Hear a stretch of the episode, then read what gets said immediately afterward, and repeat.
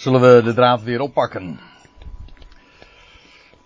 En het laatste wat we lazen dus in Johannes 12 vers 2, dat was dat Lazarus was nu een van hen die samen met hem, um, met Jezus dus, aanlagen aan tafel.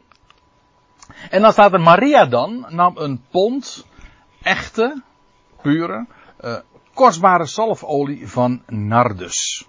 Een pond, voor zover dat uh, uh, interessant is, is een Romeins pond.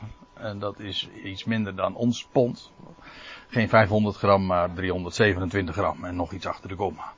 Maar uh, ietsje minder dus. Maar het neemt niet weg een behoorlijke hoeveelheid. Vooral als je bedenkt dat dat echte kostbare zalfolie was van Nardus. We zullen straks ook zien dat het de waar, nou straks weet ik eigenlijk niet, maar in ieder geval later in de geschiedenis zullen we zien dat het een waarde vertegenwoordigde van 300 denaren. En dat is een, een jaarloon. Gewoon een denaar is een dagloon. Dus 300 denaren, dat is een dik jaarloon. Dus uh, het was echt een, uh, een buitengewoon uh, kostbaar. kostbare olie die, die hier dus aan de orde is. Maria dan nam een pond echte, kostbare zalfolie. in het Grieks staat er mirre. En dat betekent eigenlijk, dat heeft, is verwant aan het Hebreeuwse woord mara. En betekent namelijk bitter. En het eigenaardige is dat de naam Maria daar ook mee verband houdt. Met bitter. Mara, Maria, Mirre. Als je de klinkers even weghaalt, wat je in het Hebreeuws moet doen, dan hou je alleen de medeklinkers dus over. En dan zie je gewoon de verwantschap eigenlijk direct. Mara, dat was die geschiedenis trouwens, waar, hè? Ja, nou ja, ik, ik, nou, eens moet ik eraan denken dat er natuurlijk nog een bekendere Mara misschien is. En dat is Naomi, ja. Noem mij maar Mara en geen Naomi meer. Want de, de, aller, de Allerhoogste heeft mij, de Almachtige heeft mij bitterheid aangedaan. Zoiets staat er, hè. En uh, bekend is natuurlijk de geschiedenis van dat Israël als uh, dan in Mara aankomt bij een plaats waar ze water zouden kunnen drinken, de, uh, hoopten te drinken. En toen bleek dat het water gewoon ziek was, gewoon bitter. Dat wil zeggen, je ging er dood aan als je dronk. Het was giftig. En toen was een hout voldoende dat voor Mozes om, om daarin te werpen. En toen werd het water gezond. Ja. Dus het, het hout maakte het verschil. Eerst bitter en toen werd het gezond. En wat er tussenin zit, was het het hout. Het kruis, uiteraard. Ja. Dat maakt het grote verschil. Daarvoor is het bitter en ziek en dood. En, en, dan wordt het levend en genezen, krachtig. En dat uh, wordt trouwens uh, nogal eens een keer genoemd. Het wordt ook, uh, als je dat opzoekt, voor allerlei doeleinden gebruikt. Cosmetisch, medicinaal, als smaakstof, in drank ook trouwens, alcoholische dranken, heb ik begrepen. Maar vooral in de Bijbel is het bekend bij balseming. Dat mirre gebruikt werd als een specerij. En eigenaardig genoeg is mirre misschien ook wel heel erg bekend uh, vanwege kerst. Omdat de magiërs, toen was de Heer Jezus trouwens inmiddels al een ventje van bijna twee jaar oud, maar goed. Die kwamen bij hem en zij namen mee kostbaarheden en dan staat er goud, nee, mirre, wierook en de goud. Heb ik de neiging om dan zo te zeggen. Ja, mirre. Maar mirre is, werd eigenlijk bij de Joden gebruikt voor de balseming. En nou, laten we dat even lezen in Johannes 19. Zover zijn we dus nog lang niet, maar daar staat er, en dat is na het sterven van de Heer Jezus op de 14e Nisan dus. En Nicodemus kwam ook, die de eerste keer s'nachts naar hem toe kwam, Johannes 3. En hij bracht een mengsel van mirre en aloe, ongeveer 100 pond. Dit is trouwens geen nardusmirre, want je had allerlei soorten mirre. Uh, waar Maria mee zalfde, dat was buitengewoon kostbaar. Maar dit was een mengsel van mirre, aloe, ongeveer 100 pond. En zij namen dan het lichaam van Jezus en zij bonden het in linnen winsels met de specerijen, zoals het bij de Joden het gebruik is, om ter aarde te bestellen. Want het idee is dat uh, ja, het lichaam uh, grote waarde heeft, ook na het sterven. Feitelijk zit daar ook de gedachte al in van opstanding. Stel je voor dat de, het lichaam alleen maar een stoffelijk overschot is. Weet je wel, nou ja, doen we weg. Want het gaat toch om die onsterfelijke ziel, weet je wel, die dan. Nee, in de Bijbel is het lichaam, ook na het sterven, buitengewoon belangrijk. In die zin, uh, het gaat er niet om dat als het verbrand is of zo, dat de Heer het niet meer terugvindt. Maar het gaat erom dat daarin uitgebeeld wordt dat het lichaam na het sterven nog een enorme toekomst te wachten staat. Namelijk in de opstanding. Alle hoop is verankerd in de opstanding. Vandaar ook dat het lichaam verzorgd werd en gebalsemd werd. Jozef, deed het ook nog. Die, uh, werd, geen, hij kreeg geen piramide, maar hij werd wel gebalsemd. En zijn lichaam werd zelfs nog meegenomen. Eeuwen later bij de uittocht uit Egypte hebben ze altijd die kist ook meegenomen waarin het lichaam, het gebalsemde lichaam van uh, Jozef in lag om vervolgens begraven te worden bij zijn, uh, bij de anderen. Waar allemaal, allemaal met uitzicht op de opstanding, want ja, die verwachting had uh, Jozef ook. Vandaar ook dus dat, dat mirre, daar zit een gedachte in van ja, het is van belang uh, en het werd gebruikt bij de balseming, maar daarin zit de, alweer de gedachte besloten, ook van uh, het lichaam is belangrijk en vanwege de opstanding. Die verwachting. Maria dan nam een pond echte, kostbare zalvers, uh, zalfolie van nardus. Ik heb dat eens nagekeken, maar nardus, dat is een, een, een kruid gewonnen, het, het, wordt gewonnen uit de wortelstok van narduskruid. En dat spul, dat had al een hele reis eh, afgelegd, want het kwam namelijk uit het noorden van India.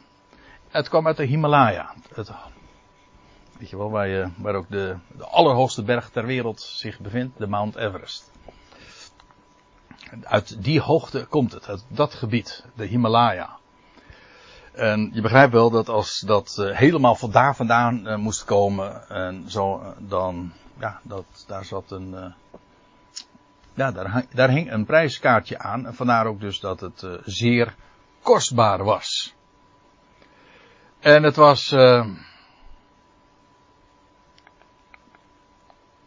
Ja, over die olie kom ik straks nog even te spreken. Eh, er staat nog, uh, Maria dan nam een pond echte kostbare zalfolie. Je kan ook elk woordje kun je onderstrepen natuurlijk.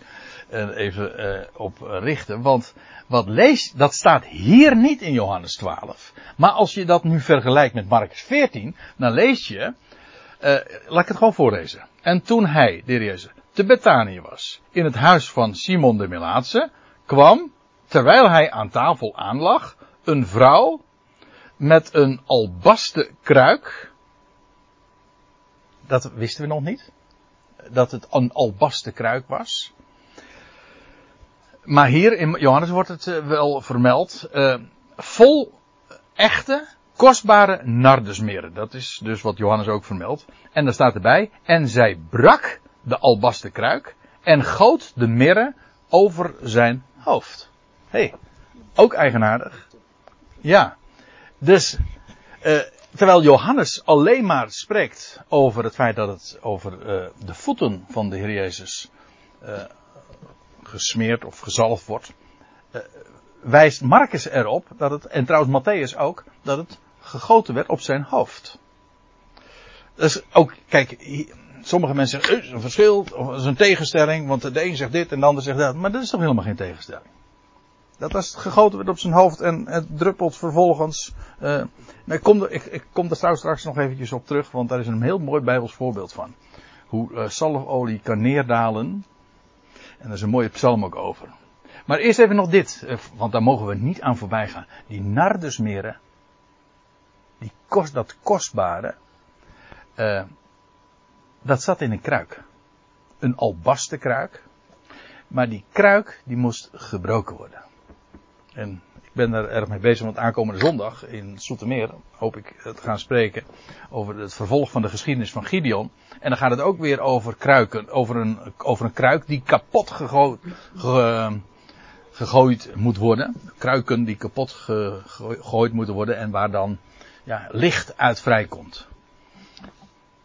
Nou, daar, gaan we, daar wil ik er dieper op ingaan. Maar wat het idee daarbij is, de mens is een aardevat. En van, je leest in de, in, in de Petrusbrief dat van de vrouw gezegd wordt, zij is het zwakkere vat, zwakkere vaatwerk.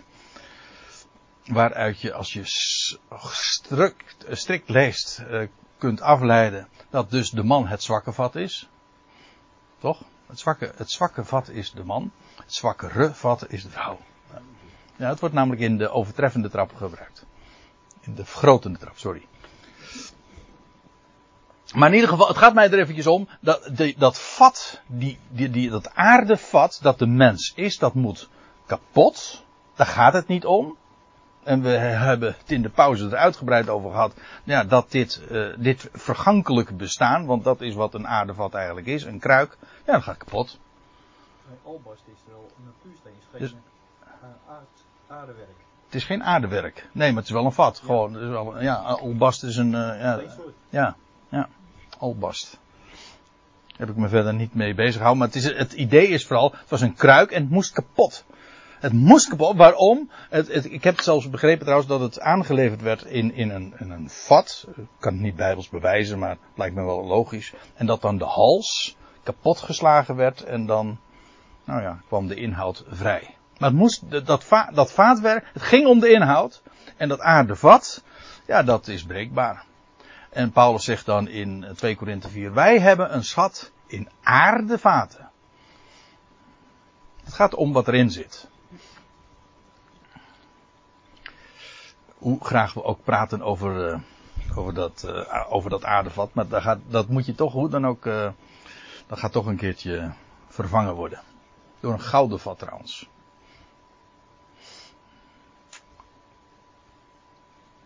Nee, daar ga ik verder, zullen we het niet over hebben. opmerkelijk is, het, het was in een al, albasten kruik, die werd gebroken. Zo, zo nam ze het dus. En ze goot het over zijn hoofd. Hier staat dan uh, in Johannes 12 en smeerde de voeten van Jezus in. Maar hoe kwam het dan op zijn voeten? Nou, eerst dus de kruik brak. Het hoofd werd gezalfd. Let trouwens op wat daarin ook weer besloten ligt. Jezus werd de gezalfde.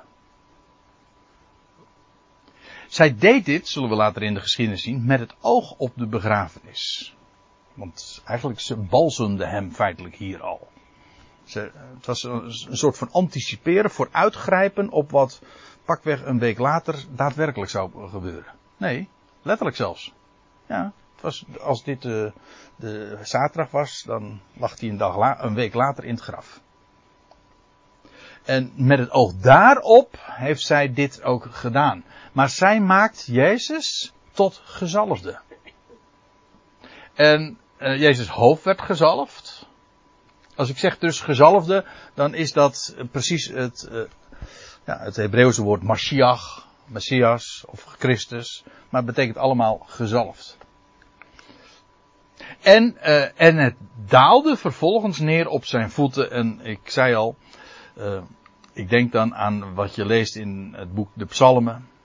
Een Davidische psalm. Daar staat er in vers 1 van 133. Een lied van de opgangen. Davidisch. Ziet hoe goed, hoe liefelijk het is als broeders ook tezamen wonen. Dat is trouwens? Daar, hoe lieflijk is het? De geur alleen al daar. Het is als de goede olie op, oh, op het hoofd moeten staan uh, op het hoofd neerdalende op de baard, de baard van Aaron die neerdaalt op de zoom van zijn aangemeten klederen. Dus het idee is, hier wordt de hoge priester gezalfd. Aaron werd uh, de hoge priester. En wat gebeurde er? Hij werd op zijn hoofd gezalfd. Vervolgens, je, het is heel ja, je, kan het heel gemakkelijk visualiseren. Het, hij werd dus overgoten met olie. En vervolgens kwam het op zijn baard. Een uitbeelding van ja, wat uit zijn mond uitgaat. Hè? In feite van zijn woord dus. En vervolgens daalt het neer tot op eh, de zoom van zijn klederen. Waar trouwens eh, het hoge priestelijk, het aangemeten kleed van, eh, van, van Aaron. Eh, dat had een hele bijzondere zoom met granaatappeltjes en met belletjes ertussen. Dat als hij in het heiligdom was, dan zag, zag niemand hem, maar men hoorde hem wel. Nou ja. Hè? Waar denken we dan aan? Dan denken we aan de tegenwoordige tijd weer. Maar het, het, het gaat me nu even vooral om. eh, hij werd gezalfd en het daalde neer op zijn baard. En vervolgens kwam het daar helemaal bij zijn voeten terecht. En dan staat er nog bij in Psalm 133: Het is als de dauw van de Hermon, die ook neerdaalt, maar dan op de bergen van Zion. Want daar bepaalt Yahweh de zegen. Leven tot de Aion. Dan weet je meteen ook waar die olie een beeld van is, namelijk van zegen en van leven dat neerdaalt. En straks zal dat neerdalen op de bergen van Zion. En, en hier daalt het neer, zeg maar, op de olijfberg die voor Jeruzalem ligt. Voorafgaand ook. Daar in het huis van de Heer, hè, Bet Ani. Waar hij is, de opgestane. Nou ja, dat soort, uh, dat soort associaties. Maar je ziet dus, hij, uh, er staat er nog bij, en smeerde de voeten van Jezus in. Als je denkt uh, aan de voeten, ja, dan heb je het over, zojuist had ik het over de zoom van Aarons kleed, waar iets bijzonders mee aan de hand was. Maar ook als je het hebt over de voeten, dan is er een tekst die, waar ik heel sterk aan moet denken. En dat is in Jezaja 52. Daar staat er, ik uh, heb de neiging, als ik, als ik het hoor, dan hoor ik de tekst van de Messiah ook daarin doorklinken. Hoe lieflijk, hoe lieflijk zijn op de bergen de voeten van de vreugdebode.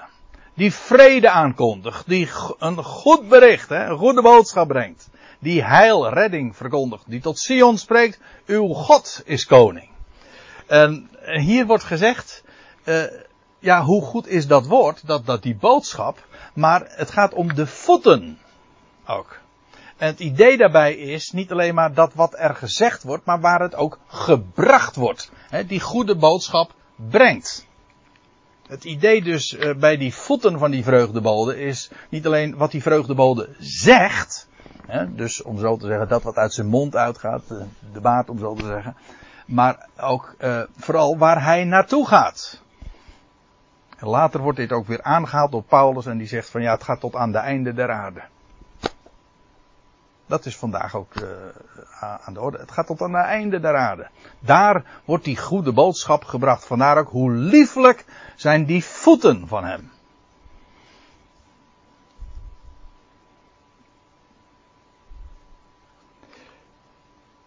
En dan staat erbij, want we, we gaan maar verder. Uh, hij, en droogde zijn voeten met haar haren. Hier, hier, wordt dus niet gesproken over tranen. Dat was wel het geval bij die zondares. Misschien heeft deze Maria ook wel gehuild, dat weet ik niet. Maar het staat in ieder geval niet bij. Dus je moet dat er ook niet bij gaan verzinnen. Uh, zij droogde, namelijk met die nardes, uh, mera, die kostbare mera, zijn voeten met haar haren. En het woonhuis. Uh, moet zijn werd. Ja, daar moet weer een woordje tussen. Thuis kom, zal ik het nog eventjes corrigeren. En het woonhuis werd vervuld van de geur van de zalfolie, vind ik. Dat is zo'n prachtige gedachte. Natuurlijk is het gewoon historisch. Oké, daar in Betanië werd dat hele huis gevuld met die lieflijke geur van die nardusolie. Maar nou eventjes ook uh, de betekenis, gewoon de actuele betekenis voor ons vandaag. Uh, nu is de Heer verborgen. Hij is vertrokken. Vanaf de Olijfberg. Hij is nog niet daar in Jeruzalem. Maar waar is hij? Nou, hij is in een huis. Hij is in de verborgenheid. In de beslotenheid. En daar houdt hij ja, maaltijd. En waar hij nu woont, daar is het, daar is het vervuld van de lieflijke geur van leven. Dat voortkomt uit zijn dood. Want dat is die zalfolie, hè. De zalfolie spreekt inderdaad van leven dat voortkomt uit de dood. Olie trouwens altijd. Olijfolie is ook dat wat voortkomt uit de dood. En feitelijk daarmee dus ook van leven dat sterker is dan de dood. Nou, dat is toch een lieflijke geur. Natuurlijk, zij deed dit met het oog op de begrafenis. Maar wat komt er voort uit zijn dood? Dat is een lieflijke geur, namelijk onvergankelijk leven, opstandingsleven. En het hele huis daar, natuurlijk letterlijk was dat zo, werd vervuld van die lieflijke geur. Ik moet trouwens ook uh, denken aan eigenlijk de uitdrukking die in dat verband ook standaard gebruikt wordt voor de offeranders, voor de brandoffers in het Oude Testament, dat je ook leest. Het was een lieflijke reuk den Heren. Staat de verdaling. Dus dan wordt er een, een, een, een, een dier geslacht. Was dat een lieflijke reuk? Nee. Maar na de slachting steeg het vervolgens op, op het altaar. En dat was voor God een liefelijke reuk. Wij zouden zeggen, wat een stank zal dat geweest zijn daar. Voor God was het een liefelijke reuk. Waarom? Nou, dat is de typologie. De betekenis. Gewoon waar het naar verwijst. Namelijk dat wat na de dood komt. Wat uit zijn dood voortkomt. Dat is liefelijke reuk. Opstandingsleven. Echt opstandingsleven. Lazarus was daar. Iedere keer wordt het zo benadrukt. En daarmee wordt ook gezegd. Het gaat daar om de opstanding en het leven. En dat, dat hele huis waar de Heer dus vertoeft, daar op de olijven, nog niet in Jeruzalem, maar op de olijver, dat is vervuld van, van die geur. Dus lieflijk. Ge eenheid, gemeenschap, hè? We worden allemaal Lazarus dus. Ja, ja, feitelijk wel, ja. Opgewekte mensen. Ja. Daarmee krijgt het woordje Lazarus toch een, een heel wat, uh, een, een mooie, een mooie switch hè, in betekenis. Ik denk dat dat de echte zijn. De echte, ja, de echte Lazarus. Wil de, lechte, wil de echte Lazarus opstaan? Het antwoord is, hij is opgestaan. En nou, en uh, dit is ook weer zo apart. Het contrast in dat huis. Aan de ene kant dus, wat hier nu geschilderd wordt. En dan lees je, en nou, want ja, daarom is de geschiedenis vooral ook bekend geworden. Vanwege het contrast wat hier nu ineens ontstaat. Want, staat er. Maar, Judas, Iscariot, een van zijn leerlingen, die op het punt stond om hem over te leveren, die zei. Ja, want nou moet ik trouwens nog even iets zeggen. Uh, dat heb ik nog tot dusver niet verteld. Deze geschiedenis wordt hier uh, geplaatst voor de intocht uh, in Jeruzalem, of zijn optocht naar Jeruzalem. Dat is namelijk de, het vervolg van Johannes 12. Johannes 12 vanaf vers 12. In mijn Bijbel staat er ook boven de intocht in Jeruzalem. Maar als je nou in Matthäus 26, Marcus 14 dat leest, dan wordt het na de intocht. En meestal zegt men ook dat dit uh, de avond is geweest vlak voor Jezus sterven. En dat wordt weliswaar niet, uh, niet expliciet zo gezegd in Matthäus en Marcus. Maar uh, dat het toen was. Maar het wordt wel uh, na de intocht verhaald. Laat ik het zo zeggen. Dat is iets anders, hè?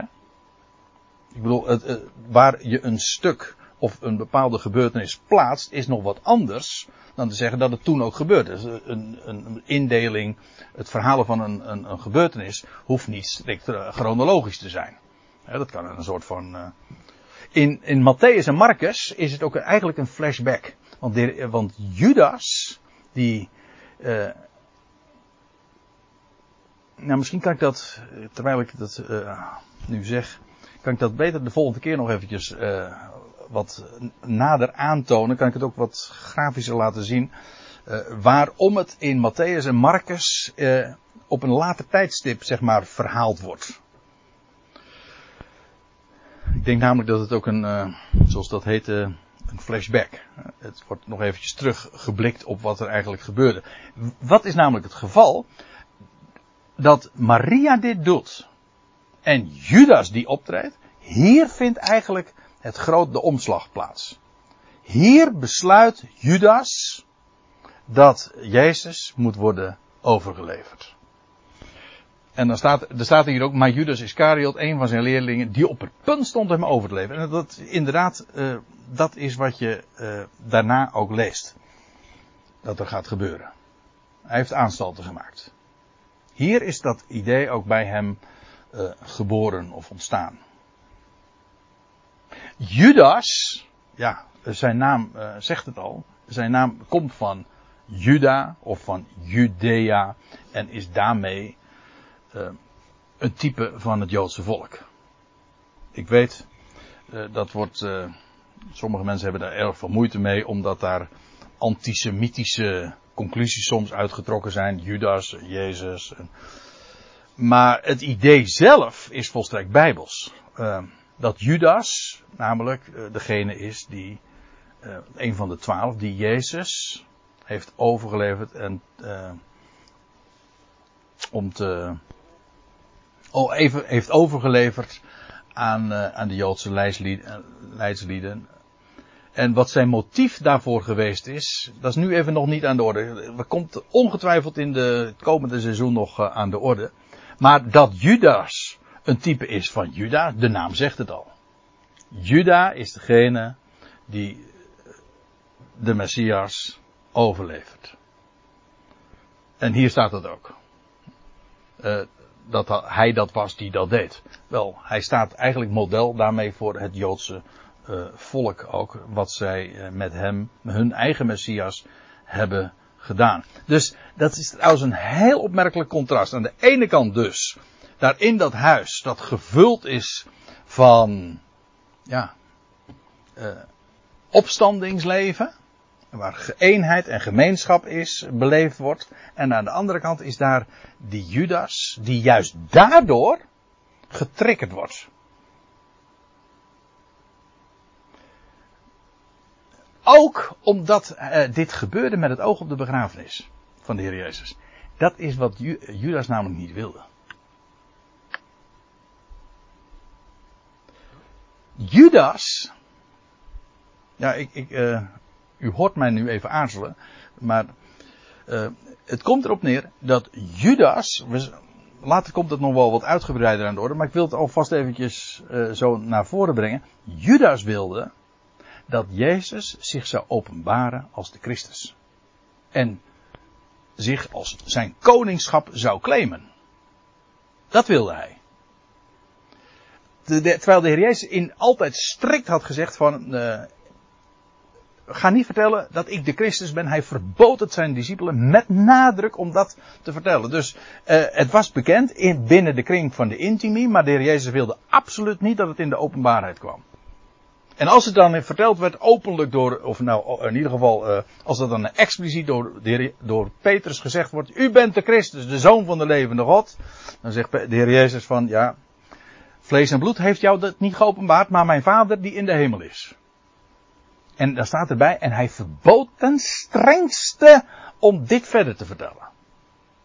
En wat Judas gedaan heeft, die wilde juist dat dit wel vertelde, dat, dat Jezus nou eindelijk eens zich zijn koningschap en zijn, zou claimen en zich als Christus zou openbaren. En om hem daartoe te forceren, heeft hij dit verteld aan de overpriesters. Dan moest, dan moest Jezus om zo te zeggen, om het even modern te formuleren, uit de kast komen. Hij was, Judas was helemaal niet van plan om Jezus, uh, dat Jezus zou sterven. Integendeel, hij wilde niet dat Jezus zou sterven. Net als Petrus trouwens. als die dan, als Petrus dan, bij die uh, gelegenheid waar ik zojuist aan refereerde, als Petrus um, dan ook hoort van dat de Heer Jezus zegt van, ja, ik, ik zal overgeleefd worden en dan en dan zegt Petrus van, oh, nee, absoluut niet. Dat zal niet gebeuren.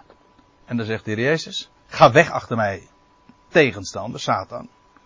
Want je bent bedacht op de dingen van de mensen, niet van God. Ik moet sterven. Dat wilde toen Petrus ook niet en Judas ook niet en wilde dat koste wat het kost verhinderen. En ze hebben hem, ze hebben, uh, uh, Judas heeft naar de, naar de Sanhedrin toe duidelijk gemaakt van hij claimt de Christus te zijn. Vandaar ook dat je later ook leest in de, bij het proces voor het Sanhedrin, dat, dat op een gegeven ogenblik, als er geen onvoldoende getuigen zijn, dat de hoge priester zijn, zijn gewaad scheurt en dan zegt, ik bezweer je, nu, nou, nou, nou moet je gaan vertellen. Ben jij de Christus, de zoon van de levende God? Ja. Hoe, hoe, wist, hoe wist die hoge priester dat dan? Nou, er was iemand die uit de school geklapt had. En dat is wat uh, Judas uh, gedaan heeft. Hij wilde dat de claim van Jezus niet verborgen bleef, maar geopenbaard zou worden. Vandaar ook dat hij hier getrekkerd werd door iets wat deze vrouw deed met het oog op de begrafenis. Dat wilde hij helemaal niet. Dus dat is een heel ander plaatje dan wat altijd verteld wordt dat Jezus, dat Judas Jezus eh, wilde laten sterven of dat hij een hekel aan hem had. Helemaal niet. Hij had een heel ander idee. Hij wilde dat Jezus koning zou worden. En om hem daartoe te forceren, heeft hij uit de school geklapt. Dus dan krijg je een heel, heel ander, uh, ja, een heel ander beeld voor ogen, ook voor, van, van, Je, van Judas motieven. We, we, we, komen hier nog wel op terug, maar hier zie je in ieder geval dit, dat Martha staat, oh pardon, Maria staat hier tegenover Judas. Type van het Joodse volk die hun Messias afwijst en verwerpt. Feitelijk. Daarin bestaat die verwerping namelijk. En dan zegt hij, waarom is deze zalfolie niet verandeld voor 300 denaren en gegeven aan de armen? De, een denaar, we hadden het er al even over, oh, in verband met die kostbare zalfolie. Een denaar, dat is een dagloon, lees je in Matthäus 20. En dat betekent dus dat 300 denaren 300 dagen werken is. Nou, dat is een. Uh... Ja, dat, uh, dat is. Uh, als je nog uitgaat van een zesdaagse werkweek, hè, zes dagen zult gearbeiden, dan komt dat aardig in die richting, ja. En je trekt de feestdagen, de hoogtijdagen er nog even af. Dan is 300 denaren een, een jaarloon. Dus reken het maar eens even om. Moet, moet je trouwens ook eventjes erbij betrekken. Gewoon naar de mens gesproken heeft Judas toch echt wel een punt. Zou je zeggen, toch? Hoe kostbaar. Onvoorstelbaar. Wat een, wat een, uh, dat je, nou, uh, wat is een jaarloon tegenwoordig? Een modaal jaarinkomen? 30.000 of zo? 38. Huh? 38. Nou ja, 30, 40.000, maakt me even niet uit. Maar in ieder geval, dat dat uitgegeven wordt aan, aan 325 gram nardusolie. Zo kostbaar. En dat dat dan, uh, dat dan de Jezus daarmee gezalfd wordt. Wat een verspeling zeg. Van geld. En hij noemt nog het argument ook. Waarom is deze zalfolie niet verhandeld voor 300 denaar en gegeven aan armen? En tegelijkertijd wordt dat argument door de Heer Jezus ook uh, of nou eigenlijk niet door de Heer Jezus, maar door uh, Johannes, die achteraf uh, het hele plaatje compleet heeft, wordt dat ook ontkracht. Want hij, dan staat erbij, hij zei dit echter niet. Dus Johannes commentaar? Hij zei dit echter niet omdat hij zich om de armen bekommerde. Of in ieder geval, dat was niet zijn hoofdmotief. Maar omdat hij een dief was en het geldkistje had en de inkomsten droeg.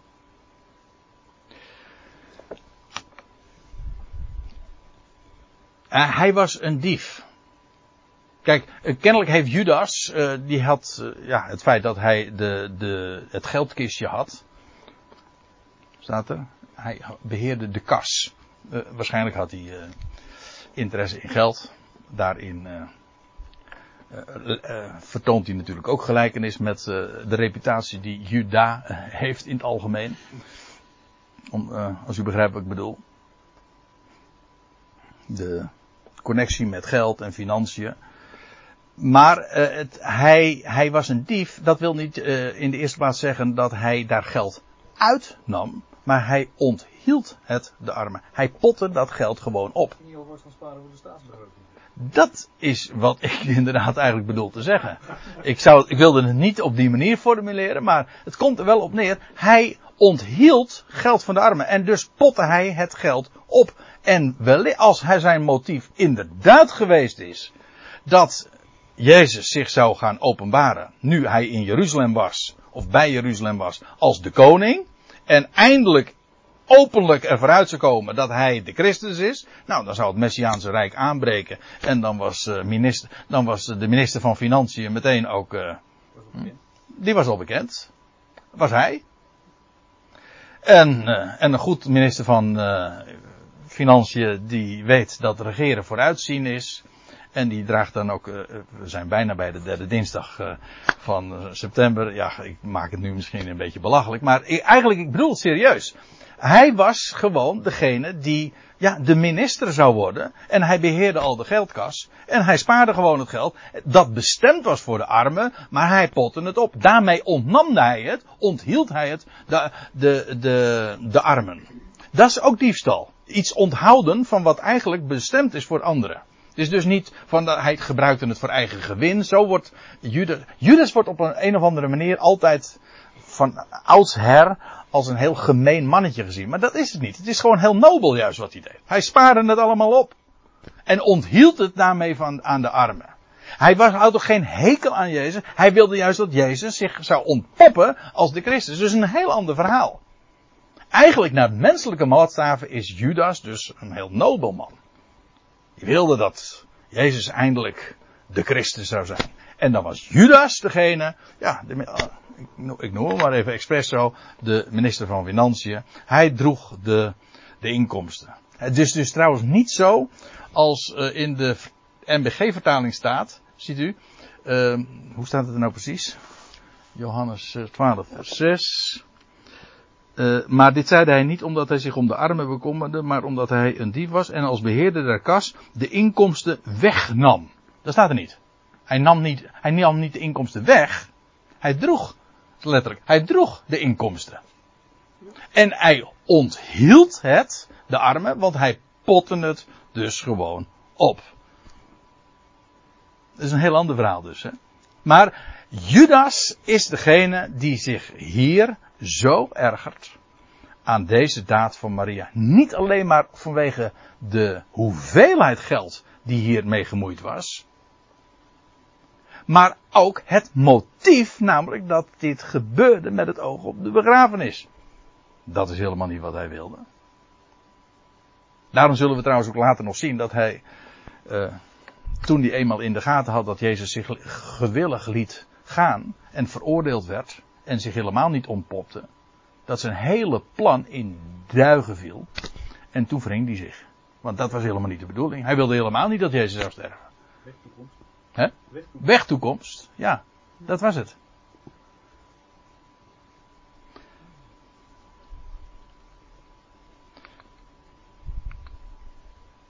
Ja, nou laat ik dan afsluiten met het uh, zevende vers. Jezus dan zei, uh, laat haar. Want tot de dag van mijn begrafenis zou zij dit bewaren. Uh, er staat dus ook niet dat laat haar begaan en het bewaren voor de dag van mijn begrafenis, want dat kon al niet meer. Ze had het nu al gebruikt. Maar hij, hij zegt laat haar, want tot de dag van mijn begrafenis zou zij dit bewaren. Ze hebben het niet gedaan, ze heeft het nu al gedaan. Maar met dat oogmerk deed ze het. Maria heeft daarmee dus ook een inzicht gehad en heeft, hoort echt bij de intimie die de Heer Jezus echt goed begrepen heeft. En wist wat hier ging gebeuren. Wat al die anderen in uh, dat huis, uh, en nou, Judas niet alleen, maar ook de anderen, de uh, discipelen, nog niet goed het kwartje was gevallen, als ik het eventjes ook weer in financiële termen mag zeggen. Laat haar, want tot de dag van mijn begrafenis zou ze dit uh, bewaren. Want de armen hebben jullie altijd bij jullie, maar mij hebben jullie niet altijd.